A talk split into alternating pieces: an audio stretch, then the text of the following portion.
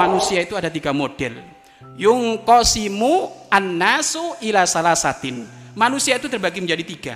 Satu, ahlu shimal, ekstrim kiri. Ahlu shimal, ekstrim kiri. Wa ahlul yamin, ekstrim kanan. Wasabikun dan orang-orang yang utama, tengah-tengah. Ekstrim kiri, ekstrim kanan. Ekstrim kiri itu apa? Masa bodoh. Mau dia dikasih jabatan, dikasih harta, yang penting hidup sekali foya-foya mati urusan nanti. Nah ini simal ini. Oh hidup sekali hidup. Hidup dinikmati kan kita sering dengar kayak gitu. Aduh ya Allah ngapain puasa?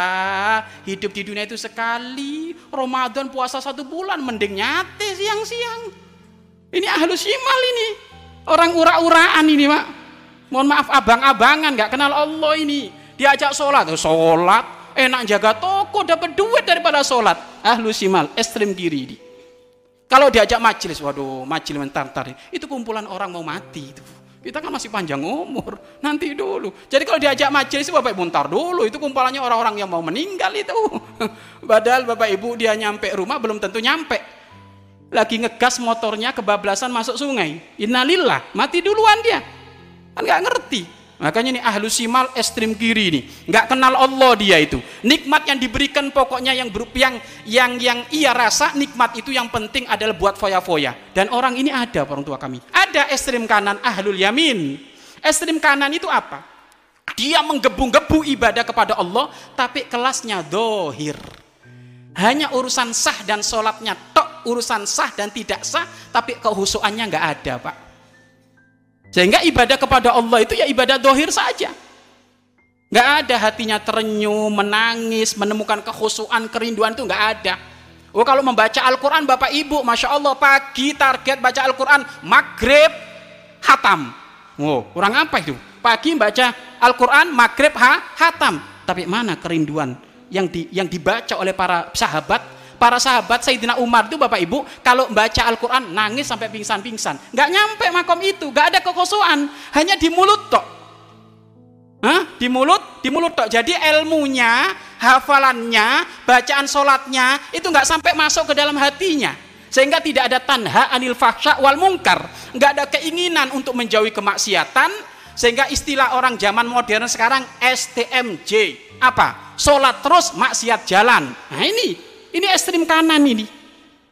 Ekstrim kanan. Apa? Dia sholat, sholat ibu, sujud, sujud. Sholat berjamaah, sholat berjamaah. Tapi kropos. Hatinya nggak ada khusuk.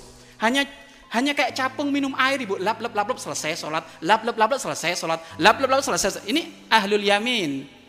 Ekstrim kanan yang fokus hanya urusan dohir tapi hatinya masih keras. Ini hatinya ker, keras. Kemudian yang ketiga, asabikun.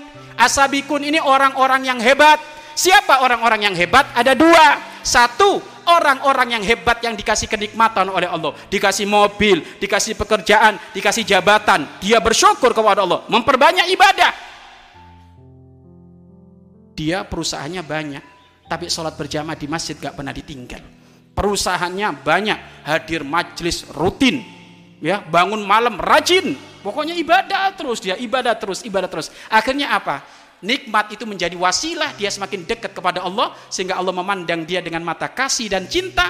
Akhirnya Allah memberi kecintaan kepada dia, akhirnya dia diberi kedudukan makom makrifat. Makom makrifat itu apa?